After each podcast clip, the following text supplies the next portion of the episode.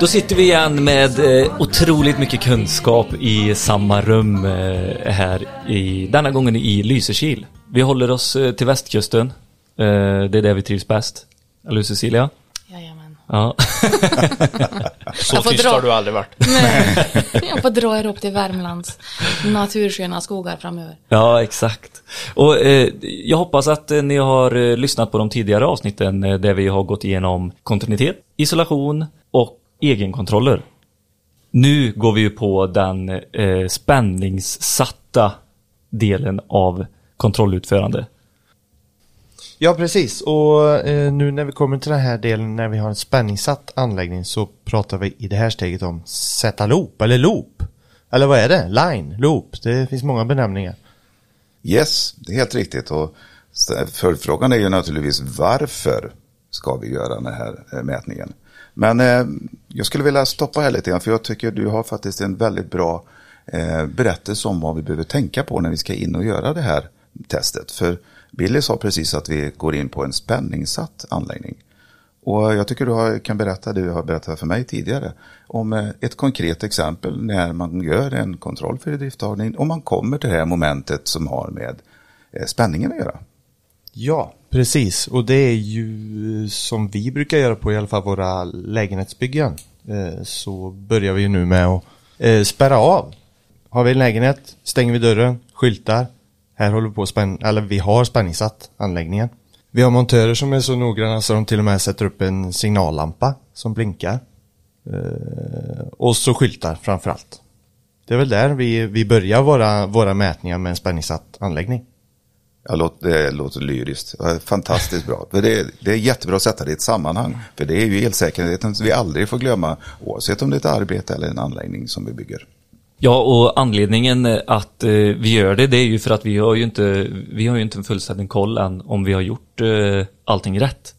Annars så kan man ju inte sätta upp en skylt så fort man eh, har en spänningssatt eh, anläggning. För man ska ju leva i den. Men vi gör det för att nu ska vi gå in på de hårda kontrollerna och se så att allting är säkert och eh, riktigt egentligen. Och då börjar vi med loopen eh, här, Johan. Och det finns ju olika tester. Eh, det är ju ZS och Z-line. Jag har väldigt svårt att hålla tungan rätt i mun där. Eh, kan du hjälpa oss att och, och reda ut de här begreppen? När, var och hur? Mm, definitivt, kan jag göra ett försök. Du är inte ensam om att ha svårt att reda ut de här begreppen. Eh, Allt eh, är ju egentligen samma mätning, en impedansmätning och det är frågan om var vi mäter den. eh, I vilka ledare vi mäter. Om vi utgår ifrån en, en stickpropp som vi då använder i instrumentet. Innan du fortsätter, va, varför säger vi inte att vi mäter impedansen utan vi, det är loop? Men det gör vi, Z är impedansen. Ja. Ja. Men det är bara att det finns olika sätt att mäta den. Så att det, Men varför han- säger vi loop? Ja, kommer till det. Ja, Okej, ja, det är bra, det är bra. Jag gillar det. Eh, Alltså, eh, om du har en, du har en stickpropp i änden så är den ju naturligtvis, eh, finns det ju tre poler i den. Alltså den är ju är fas, nolla och jord. Mm. Medan vi mäter impedansen så gör vi det i, två ledare, alltså mellan två punkter. Och om vi skulle säga vi börjar med att sätta line, Mm. så är det ju i kretsen, därav begreppet line. Så då är det ju en mätning där vi mäter mellan fas och neutralledare. Och mäter inne i kretsen. Och då, då får vi reda på vad vi har för impedans den vägen. Vi har då sen sätta loop som är mot, från fas mot jord. Och det är ju det som är intressant för mot skyddsledare eller jord så är det ju det vi ska det är det som ska lösa ut, det är hur skyddet ska fungera. Vi pratade om det i tidigare avsnitt, så att det är ju det som är felskyddet. Eh, ZS är egentligen samma sak som Z-loop, bara att problematiken med att jordfelsbrytaren löser ut om vi skickar en ström genom skyddsledaren eller genom jorden och som kommer tillbaka i fasledaren så kommer jordfelsbrytaren att trippa. Och då Och det kommer man- vi gå igenom i nästa avsnitt, varför den trippar Yes, och hur den fungerar. och det, det är ju så att då skickar man en lägre mätström. Men det blir ju också ett, ett, ett inte lika tillförlitligt värde när vi mäter. Så att Z-loop och ZS är samma sak, det är bara skillnad på vilken storlek på mätströmmen. Och Z-line är då en annan mätning mellan fas och nolla. Eh, Jag är van vid att förklara det här när jag har en tavla framför mig. Så att jag, Det kanske jag, du ska göra denna Alltså gång jag, också. jag känner att det, det rycker i nävarna på mig när jag vill rita. Så att eh, vi, vi, vi, vi måste ju ordna någonting. Vi ritar och lägger Mm. ut någonting. Så att vi kan faktiskt förklara det här Ja men det gör Med vi. lite roliga färger och lite eh, bilder och sånt. Ja. Så ja, var kan vi- lägger var hamnar det på, någonstans? Vi lägger ut det på våran eh, Instagram. Så gå in på eh, Elektrikpodden på Instagram och så eh, kommer ni se Johans eh, fina Och då kommer Ritning. alla se vad jag hade för betyg i bild. Och det var inget att skriva hem till morsan om. Och det som är eh, bra när man har sett hela den här kretsen som nu kommer rita upp och vart, vart vi mäter emellan. Men man kan ju även trycka på Eurotestern som är Elma har med sig och se vart du ska koppla in för att utföra testet. Hjälpfunktionen i ett instrument är ju fantastisk. Ja. Och då får du just de här bilderna. Det jag ska Mm. rita. Så att ja, vi kommer, det kommer något, eh, något kul. Jag ska klura ut något. Mm, jajamän. Eh, precis. Eh, nej men det är ju där vi har en liten fråga som vi, ja vi har diskussioner och eh, det är väl lite från firma till firma men eh, hur många test ska man göra? Vi säger en lägenhet. Vi har eh, tio utgående grupper. Eh, ska vi då mäta på varje grupp, uttaget eller punkten längst bort? Eller räcker det som jag som montör då som kanske har gjort anläggningen, jag vet att den här gruppen är längst bort. Räcker det att göra en mätning då? På den gruppen, eller uttaget punkten längst bort? Det är en, eh, en, en jättevanlig fråga. Och ehm, alltså, vi får gå tillbaka till varför vi gör mätningen. Det är ju för att verifiera att vi faktiskt har dimensionerat rätt. Att den här konstruktionen rent elektriskt håller. Eh, vi har inte gått med en för lång kabel eller kontra en för klen kabel för långt bort ifrån transformatorn kort kort och gott. Eh, och det gör ju att om, om du som installatör, precis det exemplet du beskriver, att om jag som installatör vet vilken gruppledning som är längst, om jag då gör mätningen i den, ja då är du i hamn. Jag ser ingen som helst anledning till varför du ska mäta i de andra. Däremot om du kanske har två som du är lite osäker på eller någonting, ja men ta de två då. Och de här åtta gruppledningarna som du vet av samma dimension med samma säkring är mycket kortare. Släpp dem då. Spar den tiden. Ja men där sa du ju något väldigt viktigt. Du måste ju ha samma längd och samma säkring. För det är ju det vi utgår ifrån. Jag säger att du har en, en lång grupp eh, med avsäkrad 16 ampere eh, och en dimension och du har en annan som är på 10 ampere och en annan med, med, med en dimension. Då är det ju läge att verifiera båda såklart. Annars blir det väldigt mycket huvudräkning. Men inte bara eh, amperesmässigt va? Utan karaktäristik också. Självklart. Viktig faktor i det hela. Avgörande faktor i det hela. Vi kommer lite- På en, på en dvärgbrytare då, om vi pratar den typen av säkring. Precis. Yes. Och det kommer vi gå igenom lite längre fram, eh, de förhållandesätten som de har. eh, Både diaced och de olika karaktäristikerna på Du automatsäkringar. lyckades nästan där. Gjorde jag det? Om du vill rätta, använda rätt definition så är det dvärgbrytare. Automatsäkring är ett namn. Men det är bra om vi pratar om båda delarna, för att det är... Det är... Ja, men, också, men, för det, ja, det, ja, ja, men, men det står dvärgbrytare. om du tittar förstår liksom. det, men Ja, det är kanske... om. ja. Men då, då förstår jag eh, hur vi ska tänka lite runt vart vi ska mäta i just den här anläggningen. Eh, men vad är det då, eh, vad ska man säga, vad, vad är det vi har mätt fram? Eller hur ska vi tänka just runt instrumentinställningar och när vi har gjort mätningen? Alltså, det är ju, vi mäter ju utlösningsvillkoret. Vi mäter ju egentligen om våran eh, elektriska anläggning stämmer överens med det skyddet vi har satt. Alltså att kommer den här förutsättningen att stämma. Säg att vi har satt upp en, en, en dvärgbrytare, C10, eh, så finns det också en, en begränsning då. Hur lång kan den gruppledningen vara? Och det är ju verifierat att ni inte har klivit över den gränsen, eller att du inte har klivit över den gränsen. Det är ju det vi gör, så därför är ju så instrumenten hjälper oss jättemycket med, med, med hjälp att tala om när det här är rätt eller fel. Om vi själva vet hur vi ska ställa in instrumentet. Då får vi tala om att ja, men nu är det en C10 vi har här. Står det fel där i, ja då faller den. Så det är oerhört viktigt eftersom det, vi ska verifiera att det inte är en för lång gruppledning helt enkelt. Som gör att skyddet inte fungerar som det ska. Det löser inte ut tillräckligt fort om gruppledningen är för lång. Det är sånt Men- vi ska verifiera. Nu, nu pratar du ju både ström och motstånd här.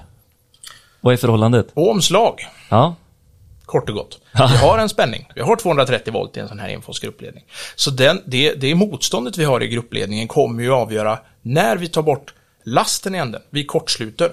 Det som blir kvar i kretsen, ja, det är ju det, den impedansen som är uppbyggd i kretsen. Det är den som kommer att avgöra hur hög blir strömmen i sämsta tänkbara fall. För det är det här, även en anläggning är hårt belastad, sämsta tiden på dagen, när hela grannskapet är i full gång, alla använder samma transformator, fullt belastat. alla ledningar är varma, då måste vi ändå veta att säkringen löser ut vid händelse av fel.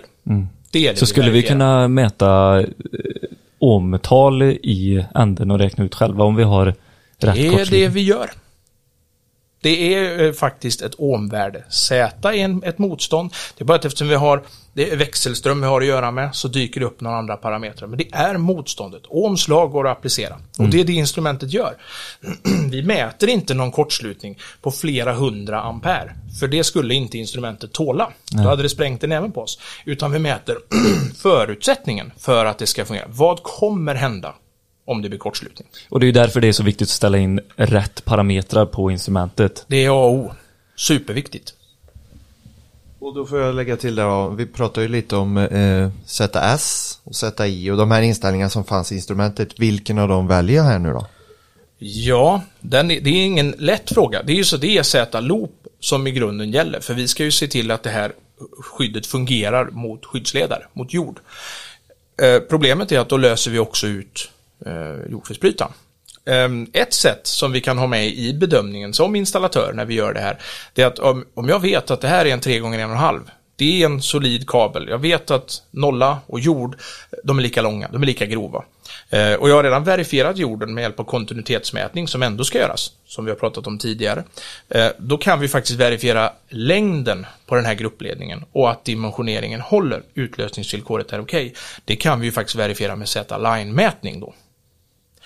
För Okej. att då löser inte jordfelsbrytaren ut. Problemet om vi går över till den här som då heter ZS eller ZJFB i vissa instrument. Då får vi inte en tillförlitlig, ett tillförlitligt resultat för det är för lite mätström. Och det kan man lätt testa på sitt instrument. Det är bara att, att köra flera mätningar så kommer ni se att ni får större variationer i mätresultatet från gång till annan än om ni byter till Z-line.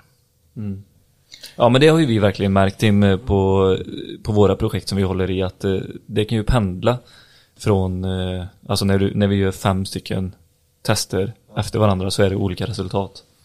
Det är alltså så bara några få milliampere som ska verifiera hela avståndet, hela anläggningen ut till trafon och tillbaka. Ja. Tänker man bara på utmaningarna med det så är det ju rätt häftigt att det faktiskt överhuvudtaget går att mäta. Det är ju avancerade mätinstrument. Men eh, okej, du säger att vi mäter med en belastning, då, då kan vi alltså inte mäta motståndet med en multimeter i änden och räkna ut. Om du stänger av kretsen, för Ja. om du skulle mäta med multimeter, ja då kan du inte ha spänning på, för då går multimetern åt skogen. Mm. Eh, och om du stänger av någonstans, du gör spänningslöst, då finns ju inte kretsen kvar. Hur ska vi kunna verifiera hela den kretsen tillbaka genom transformatorn om vi har brutit upp den? Ja, då får Så vi ta bit för bit. Det- ja. kan ju vara långt till trafon ibland. Ja, och någonstans så innan, du, du, du, då får du stänga av på uppsida trafon om du ska kunna göra den mätningen genom trafon. Så att det bygger Ja. ju på att, vi, vi, alltså det finns ingen möjlighet för ett instrument att se den kretsen utan att den är intakt, alltså spänningssatt. Precis. Så därför Att sker den en med spänning. krets. Yes. Man kan ju verkligen se det instrumentet som en hjälp eh, för att kunna förstå omslag i praktiken. Det är ju därför instrumentet är uppbyggt på det sättet för att kunna få göra den här eh, mätningen så enkelt som möjligt. Och jag som gammal gubbe kan ju eh, flika in då med det här möjligheten att mäta med jordfelsbrytare i kretsen. Eh, Före 94 så fanns ju nästan inte jordfelsbrytaren. Och eh, då var det ingen diskussion liksom att eh, vi kunde göra vår eh, utlösningsvillkor, mätning utan att någonting blir stört. Men i och med att vi satte eh, in jordfelsbrytaren och skulle mäta mot jorden, som är det Eh, i praktiken det absolut viktigaste utlösningsvillkoret för säkerhets skull för person. För det det innebär det är att ett fel kan komma ut i en utsatt del som en människa kan stå och hålla i. Och då är det förhållandet så viktigt att kolla att det ska brytas så fort som möjligt. Eh, och innan instrumenten tog in den här möjligheten att kunna mäta med jordfelsbrytare så hade vi en rekommendation att ni kan mäta mot nollan eftersom nollan och jorden går parallellt till ett ställe där de går ihop allihopa. Så du har samma sträcka, samma dimension med högsta sannolikhet. Så då sa vi att ja, men det är okej att mäta det vi är ute efter mot jord, men göra det mot nollan istället så inte jordfelsbrytaren löser ut. Så egentligen är ju det... Men då har vi ju förhållandet med hur belastningen är i nollan. Eftersom impedansen ändras. Yes, det, det är helt riktigt. Men, men då måste vi sätta det i rätt sammanhang, för det vi är ute egentligen efter det är ju att, precis som Johan beskrev förut, hur blir det i ett maxat läge? Hur blir det med maxbelastning på en grupp? Vad händer med vårt motstånd då? Och då får vi gå tillbaka till den fysikaliska förståelsen om att när vi driver en ström genom en tråd så blir det värme. Och värme får vi sätta i rätt sammanhang. I elektriska världen innebär att det blir högre motstånd. Och så får vi sätta det i nästa sammanhang. Vad har det för förhållande mellan spänning, ström och motstånd? Jo, eh, strömmen är lat, tycker inte om motstånd och då kommer inte den fram till mycket, tillräckligt mycket till en produkt som står och väntar på och säger jag ska skydda er allihopa och jag kallas för felskydd. Men ge mig bara tillräckligt mycket med ström så ska jag bryta upp kretsen så fort som möjligt. För nu har vi ju tiden som ett sammanhang i allt det här också. Som har kravet att vi måste lösa det så fort som möjligt. Och varför måste vi det? Jo, då får vi tänka oss situationen igen. Det står en människa och håller i en, eh, en utsatt del som är kopplad till den elektriska jorden och så står människan på någonting som är knuten till moderjord. Och då har vi en skillnad däremellan. Och det är det förhållandet vi måste bryta upp för säkerhets skull. Så det, det, vi, det sammanhangen är jätteviktigt för att skapa förståelse. För att bara, inom citattecken, lära sig instrumentet, det, då har vi inte kommit någonstans. För vi måste reflektera över mätvärdet. Att vi får en grön bock, det säger i praktiken ingenting eftersom vi kan ställa in instrumentet. Ja, i Och detta det läget fel. kan du ha ställt fel säkringsstorlek eller typ, eh, så då faller ju hela mätresultatet. Helt rätt. Eller den gröna bocken i alla fall, mätresultatet är ju vad det är Precis, mätresultatet kommer ju där, men sammanhanget, vad är det som är, är rätt? Eller vad är det som är bra eller dåligt? Och det får vi aldrig lämna det som profession, att inte reflektera över värdet. Vi måste hela tiden göra det. Vi kan inte bara, men sen vet jag utifrån mänskliga aspekter, jag ska göra hundra mätningar idag. Efter tionde mätningen så är jag på en annan planet, för jag ska bara veta hundra mätningar. Så jag bara ser till gröna bocken, ja, grön bock, grön bock, grön bock. Istället för att liksom ta det lugnt nu, fokusera, titta på mätvärdet. Och de här sammanhangen. Eh, och då har vi ett grundbekymmer eftersom felskyddet står och säger jag garanterar en säkerhet i anläggningen, bara ni ger mig tillräckligt mycket med ström. Och det är det vi ska kolla då i mätningen. Kommer det nu fram tillräckligt mycket med ström? Och då måste vi ha kunskapen, förståelse om el och fysikaliska eh, förutsättningar. Och det är IK1 som vi mäter. Att det kommer tillräckligt mycket ström. Yes. Och, det, och då måste vi tänka i vårt system som vi bygger upp. Det är ett trefasigt system med en återledare eh, som det normalt ska flyta strömmar i. Det ska normalt finnas en potentialskillnad i. Som kallas nolla. Yes. Och då har vi begreppet line. Och det, det är engelskan, det har vi bara tagit med in. Vi, eller vi säger faser och vi säger huvudledare och, och, och så vidare. Vi har de uttrycken. För att det enda som jorden ligger och gör, den väntar bara på att få ta del av ett fel. Och det måste vi tänka då i sammanhanget. Var någonstans finns den möjligheten att vi kan föra fram den minsta strömmen någonstans? Och då får vi titta på omslag, lägsta spänningen, minsta motstånd eller högsta motstånd. Och så titta på felskyddet. Får jag tillräckligt mycket med ström eller inte? Och det är det förhållandet vi måste titta på då. Och ett ögonblicksvärde som vi gör i samband med mätningen, då är anläggningen som den är. Antingen är den belastad eller så är den inte belastad. Och vi kommer komma till det lite längre fram. eh, Yes. Problematiken med det också, eller förhållandesättet man måste tänka på.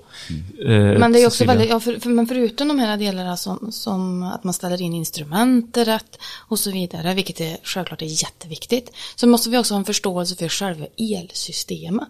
Det här med var, var kommer alla motstånd in någonstans? Vad är det som, som hindrar den här strömmen som nu ska få vårt felskydd att lösa? Precis. Och då måste vi ju veta, vi, får in begrepp så som Z för. Mm. Och det, Z står ju för impedans, det är ju ett motstånd. Och för står för att det är före en viss punkt. Alltså vi har en för-impedans. Så vi har ju då, he, alltså Med andra ord egentligen utgångsläget. Ja, till exempel i, i, anslutningspunkten, i, om vi pratar villa till exempel, det spelar ingen roll vilken fastighet som helst. Det som inte är din anläggning, vad är förimpedansen i, den, i din huvudcentral? Det är alltså motståndet då bakåt i nätägarens system. Och det som bygger motstånd, ja det är allting det som strömmen ska passera. Den ska igenom en transformator till exempel. Den ska ge igenom kablar. Och en transformator är ett litet avstånd i det stora hela, men den ska med. Även den. Det som vi, där vi bygger upp de stora motståndarna det är ju i ledningar. Okej?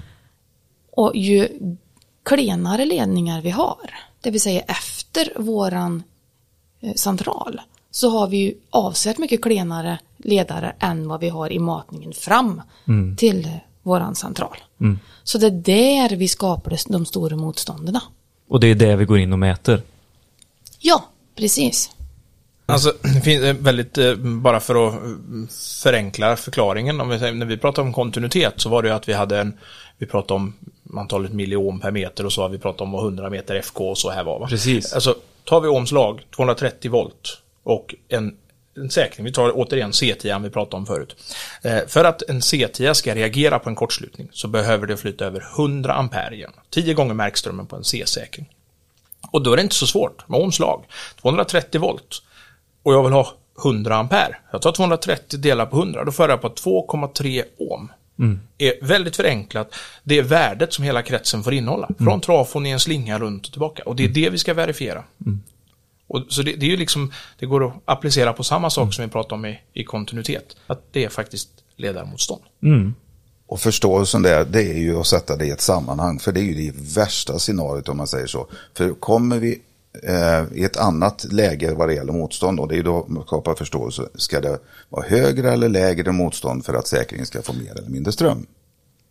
Okej, men då, då vet vi alltså eh, hur vi utför testet. Eh, ZS, eh, Z-Line, eh, förhållandet däremellan. Hoppas det är tydligare när de ser videon på Instagram, eller hur Johan?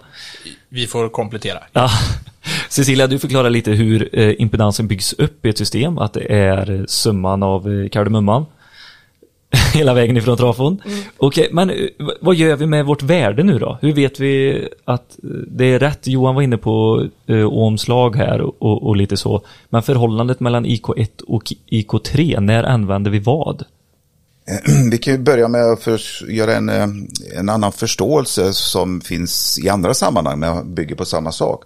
Det är ju att när vi kommer fram till en punkt i en anläggning, precis som Cecilia beskrev, det innehåller transformatorer, det innehåller ledningar och allt möjligt.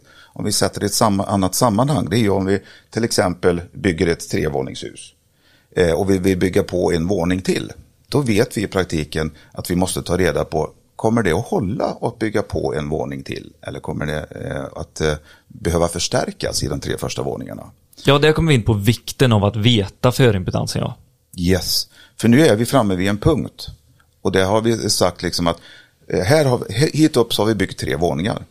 Och nu vill vi, vi vill sätta en grupp till eller vi vill förlänga en ledning utifrån att vi sätta ett uttag till om vi är konkreta.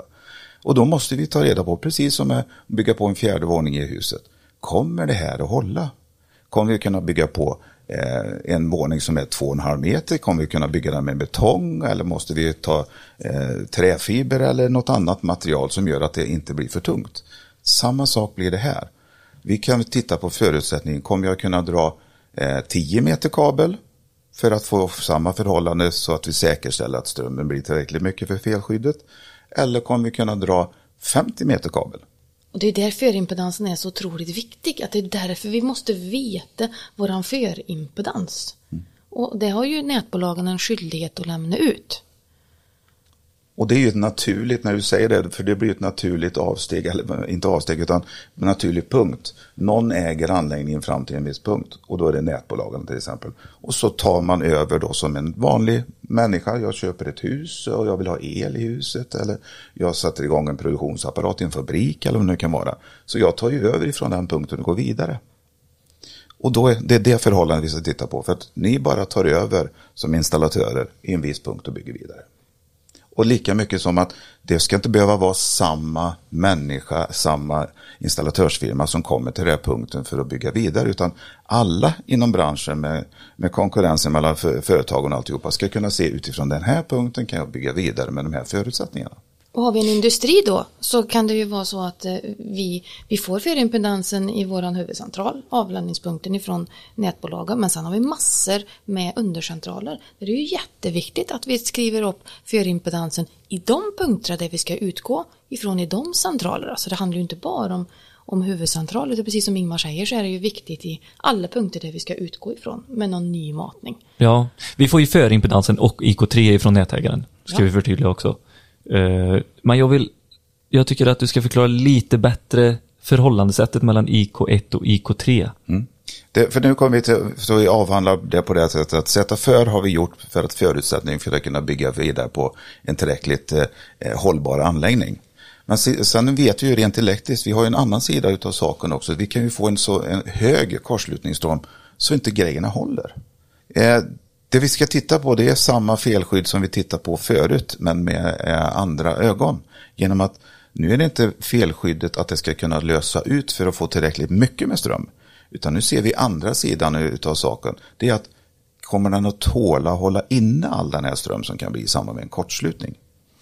Eh, och då får vi gå tillbaka till omslag. Vad är förutsättningar för att vi ska kunna räkna fram den högsta möjliga för, eh, kortslutningsströmmen? Ja, då ska det vara den högsta eh, Eh, spänningen och det lägsta motståndet. Och det är det vi kollar upp med hjälp av IK3. För vi har den högsta spänningen mellan faserna och eh, så kan vi ta den strömmen och så se hur är maximal kortslutningsström. Och så tittar vi på våran produkt. Antingen står det på produkten eller så står det i våra anvisningar eh, beskrivet hur mycket kortslutningsström kommer jag kunna bryta upp. För vi- det är samma läge fortfarande. Liksom. Vad är det vi är ute efter i samband med kortslutning? Jo, vi måste få den att eh, strömma med all den kraft som det innebär. Och då måste vi se till att den, de metallerna som är, i praktiken är i en brytare, de ska kunna gå isär. Om vi, om vi kanske alla har upplevt det här att någon svetsar mellan två metaller, då blir det att de binds samman. Och det är ju ett katastrofförhållande i en elanläggning när två metaller skulle gå samman och inte gå att bryta upp. För det är våran garant för att vi ska kunna få en säker anläggning. Det är att bryta upp en krets som det är fel i. Jag skulle använda ett, ett fantastiskt svenskt begrepp, ordet lagom. För det är faktiskt, vi, vi dimensionerar, vi kollar dimensioneringen. Så att i worst case klarar vi av att lösa ut även när det är fullt belastat och allting. Längst bort ifrån gruppen. Det är utlösningsvillkoret. Att vi är intresserade av IK3, som Ingmar beskriver, det är att det, skiten inte exploderar när det är som kraftfullast och närmast centralen. Så en bra dimensionerad anläggning är lagom. Den finner sig mellan de här två punkterna. IK1 är vi med på hur vi eh, mäter fram. Eh, Men det du pratar med nu då, att en produkt ska klara en hög ström. eh, Hur tar vi reda på det? Jättebra fråga. Det här kommer ju vi in då, det som har alla produkter som vi tillverkar, oavsett om det är elprodukter eller vad det nu kan vara, så måste produkterna skicka med eh, en anvisning som säger det här är jag, det här består jag av, det här kan jag hålla för, det här, eh, det här måste jag ha för att kunna fungera. Allt det här står i våra anvisningar och det är det CE-märkningen bygger på. Men när vi ska gå in och kolla i praktiken då som vi pratar om här, mätning, för att få fram värdet ifrån EK3, så har de allra flesta eh, instrumenttillverkare en mätmetod som innebär att man mäter en kortslutningsström mellan två faser. Eh, vi gör en eh, tvåfasig mätning som vi kallar för IK2. Och sen för att få fram IK3 så får vi göra en beräkning. Eh, och det är ett tal som vi får lära oss i samband med när vi blir auktoriserade och elektriker och så vidare. Eller framförallt när vi ska göra en kontroll och vara kontrollansvariga. Då ska vi ha med oss den kunskapen. Vi kan beräkna fram den genom talet 1,15 gånger den tvåfariga eh, kortslutningen vi har räknat fram, IK2. Du kan alltså få en siffra när vi har beräknat det. Och det är ju det som är lite behändigt med alla dagens mobiltelefoner och så man har i, i handen hela tiden. Och är det då, när man gör de här, den här IK2, då mäter man alla tre faser, L1, L2, L1, L3, L2, L3. Och så tar man det högsta av dem, gånger 1, det finns ingen sån eh, Nej, rutin, okej. utan Nej. det räcker att mäta mellan två faser. Ja, vi, vi har det som rutin, men, men det kanske man inte bara för att det kan skilja sig. Och då är, eh, teoretiskt resonemang kan man ju föra på det sättet, Ja. men om vi tittar på hur en kabel är tillverkad så är alla ledare med samma grovlek, med samma eh, prestanda igenom en kabel där de går tillsammans. Så det, eh, det borde vara samma värden. Men upplever ni nu när ni har det som rutin, upplever ni att det är väldigt stor skillnad? Ja, alltså det skiljer sig och, och vi gjorde faktiskt en mätning här om dagen bara. Och då, då sa vi det att ja, men då tar vi det högsta och så gånger 1,15 för då är vi på säkra sidan. Eh, Varför du får eh, olika värden, det har ju med att du eh, mäter den på en anläggning som är igång. Och den fysikaliska förståelsen om att värme kan ge motstånd, så kan det alltså ge olika motstånd mellan olika ledare. Men det finns inget som ställer krav utifrån våra elinstallationsregler att ni ska mäta på det sättet. Det ni gör, det är ju sätter förståelsen i ett sammanhang. Så det är ju bara hatten av. Ni har förstått förstå, sammanhangen, vad man behöver tänka på. Absolut. Det Och nu vet alla det. Det är perfekt. Ja, så, så det siffran vi finner på framsidan på en säkring 6K eller 10K är ju typ det vanliga. Det är det vi pratar om nu. Exakt. Ja. Eh, och det är ju på dvärgbrytare då som vi hittade. Eh, vi hittar ju det inte till exempel på en smältsäkring. Det får vi ju titta då i anvisningarna. Hur det. Eh, vi bara skickar med att glöm inte att titta i anvisningarna för eh, det finns eh, eh, lite mer man behöver läsa just att det är 6 kiloampere och 10 kiloampere. Och ni gör en eh, mätning som är precis i underkant där. Vi måste titta en gång till för det finns lite mer krav. Men det är, siffermässigt är det helt rätt. Det är det vi ska titta efter. Ja, Okej, då förstår vi sammanhanget mellan IK1 och IK3. Det är alltså lägsta och högsta strömmen som vi finner i våran anläggning. Och vi får mäta dem på olika ställen helt enkelt. Hur, kan, har ni något exempel där det har gått fel? När, när man inte riktigt har koll på detta? Hur kan det se ut då? Jag kan ju ta eh, ett eh, case som ehm, jag fick faktiskt av en eh, anläggningsägare här i Sveriges rikes land. Han åkte runt i sina- anläggningar, sammanlagt ett 90-tal anläggningar i Sverige. Och ehm, så gick han tillsammans med de lokala ehm, anställda på plats. Och då fick han se när de var ute och gick där, såg han en väldigt lång gruppledning. Och gruppledningen var eh, ansluten till ett vägguttag, det vill säga en förlängningskabel. Han såg utifrån den kunskap han har att det här förhållandet kommer då aldrig kunna fungera. Så han eh, bad faktiskt en av de eh, lokala elektrikerna där att kan jag få låna din avbitare? Okej, Okej, sa killen, det kan du få. Och så gick han fram till den här förlängningskabeln och så klippte han av den. Och så frågade han, eh, liksom, vad tror ni hände nu? Och alla som är elektriskt utbildade, de, de sa ju liksom, att, ja men säkringen har ju gått. Okej, tror ni det? Ska vi kolla det? Och då tog han änden på eh, kabeln som han hade klippt av. Och så drog den mot metallen på avbitaren så höll ju han i det isolationsskiktet så han visste ju att han själv inte skulle få en strömingång. Och så såg man hur det blixtrade. Och man tappade hakan så undrade men, men du ska ju säkringen gå. Precis, sa han då. Men vad var det som gjorde att det inte gick? Jo, det var att kabeln var för lång, som hade byggt upp ett för, för hög impedans i sig. Så under det ögonblicket som han klippte av kabeln så hann inte strömmen gå upp tillräckligt stort för att felskyddet som väntar på den ström som behövs för att den ska lösa ut fick tillräckligt mycket med ström. Och det här är ju ett, en katastrof i en elanläggning. För här faller allt ifrån personskydd, anläggningsskydd och allt möjligt. För att om nu det här skulle gått emot någon metall eh, så hade det stått och verkat en ström som hade bildat så mycket värme så att någonting hade kunnat ta eld. Till syvende och sist handlar det om också, det är ju var strömmen kommer att gå någonstans. Så skulle nu den här kortslutningsströmmen gå mot en jorddel som i sin tur är ansluten till någon utsatt del där någon står och håller i. Och då har vi ju det här katastroftillfället och att nu kommer den att verka under så lång tid så att en människa kan bli skadad av den eventuella strömgenomgång som blir. Att jag står på Moder Jord eh, och är anknuten till elektriska jorden som håller på med den potentialskillnaden som är däremellan och driver en ström genom mig. Ja, jag, jag tänker ju med en gång ett sånt skräckexempel. Säg att du gjort en, en villa lite snabbt och, och slarvigt, för, förhoppningsvis inte, men så är det ett barnrum där de har eh, en eh, radio istoppad. Det är ingen jord med i den kabeln, det är 2 gånger eh, 0,75 och så klipper man den kabeln som en femårig, sexåring kanske är nyfiken på vad som händer. Alltså har du inte kollat det skyddet då? Att det verkligen är okej där ute i änden. Då, det är lite värre för mig än eh, den här förlängningskabeln på en industri om man säger så. Men det, ja, Helt klart. Och det är därför det är så viktigt, precis som de alla, all, alla kontrollerna. Det är ju just för att sånt här inte ska kunna hända. Vi ska inte gå därifrån och tro eller anta att vi har gjort en tillräckligt bra anläggning, utan vi ska gå ifrån det till att veta. Så att det, det är ett lysande exempel på vad som inte får hända. Och jag tänker även på den konstanta ljusbågen som kan eh, bli med brand som Följd, ja. följd. Och det att, var ett, jag kommer inte på dem. Och att- jag, jag sa så här. Det känns nästan eh, viktigare, ni får säga om det är fel, IK1 känns viktigare än eh, IK3. Personskyddsmässigt, absolut. För det är där, Brandmässigt, nej. nej, det är liksom, det är, det är, vi ska knyta det till personskyddet, absolut. Och jag vill bara säga det som Johan sa, där, att veta är att mäta. Ja. Att mäta är att veta. Ja, och sen, sen är det också så här att IK1 handlar ju eh, oftast om kanske tredje person. Det är, IK3 är oerhört viktigt för en, för en elektriker utifrån sin egen säkerhet när man ska in och jobba och sådana här saker.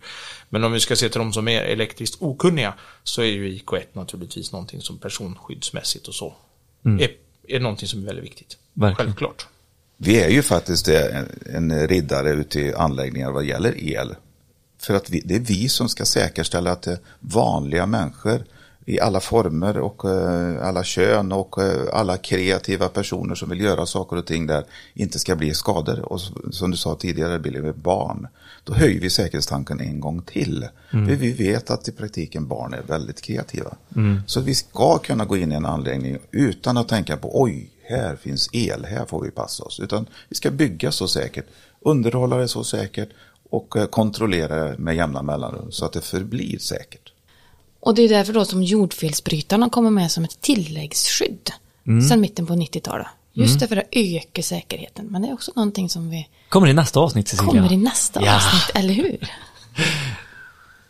För att summera det här lite med ett case då. Eh, Jag kommer in i en befintlig anläggning och jag ska förlänga, nej jag ska dra en ny gruppledning, 60 meter. Hur ska jag tänka? Vad ska jag göra? Du måste ju veta han tål den här anläggningen det. Som Ingmar nämnde tidigare. Det är ju en fråga om en konstruktion. Det är den fjärde våningen du ska bygga. Och utan att veta vad du har för möjlighet att bygga vidare på de tre andra våningarna så det måste du ta reda på. Det går inte, det finns liksom ingen finns ingen eh, annan väg. Sen kan det vara att du får reda på det genom att föregående elektriker har lämnat ifrån sig de värdena. Det underlättar. Och har du inte det så måste du faktiskt mäta för att ta reda på det. Ja, jag skulle ju säga att i de flesta gruppförteckningar så står det inte. Så då är det väl mätningen Ja, då är det mätning som gäller och så eh, lämnar ju ni ifrån er det istället nästa gång. För det vet jag ju att ni, just ni gör, men det hade man ju hoppats att alla gör. För då hade vi underlättat naturligtvis. Men står det inte så ja, då måste du mäta. Ja, Kan vi inte komma överens om allihopa att vi ska förbättra det för att hjälpa varandra? precis. Det hade ju underlättat. Visst är det så. Visst är det så. Plus att det skapar ju en högre förståelse för våra eh, anläggningar. Om vi är inne mer frekvent och mäter. Ja, vi kan ju sitta här i en timme till märker jag ju. Det blir ju, ju mer vi klarar ut, ju mer frågor får vi ju och ju mer komplicerat blir det. Som på dina utmaningar eller kurser där, Men visst är det underbart? Ja, det är underbart. Men jag tycker vi gör så här, vi fortsätter den här diskussionen och som jag vet att du är sugen på att ta upp Johan med spänningsfallet. Att det är också ett förhållandesätt och inte bara utlösningsvillkoren som är förhållande till förimpedansen. Yes. Så vi fortsätter den diskussionen i Teknikforumet. Så är ni inte medlemmar där, ansök om att komma in i Teknikforumet för där har vi den här expertpanelen med och många, många andra jätteduktiga elektriker. Så häng med in i den eh, värmen och förkovra er i IK1 och IK3 för impedanser, spänningsfall. Eh, ja, you name it. Då är vi där och svarar, jag lovar. Ja, det är bra Johan. Det gillar jag. Nu har vi tänt en brasa, nu väntar vi bara på vedpinnarna som ni kan komma med så vi kan fortsätta upprätthålla brasan. Ja, och är man inte nöjd där så får man ju eh, DMa er eller gå in på era hemsidor, mejla er och eh, anmäla sig till en eh, bra kurs helt enkelt. Det är inte svårare än så. Det är faktiskt folk som redan hört av sig utifrån de här teknikavsnitten och det gör en sketglad. Mm, helt jättekul. enkelt. Det är riktigt kul för då, då, då blir det ju något lärande. Nu tar Fortsätt. vi ett steg till. Underbart. Och vi tackar igen eh, Elma som underlättar våran eh, vardag som elektriker också med bra instrument, lättförståeliga. Eh, De har ett sånt brett sortiment också så det bästa är att bara gå in på elma-instruments.com och titta vad som passar din verksamhet. Eh, tack så jättemycket idag allihopa. Tackar. Om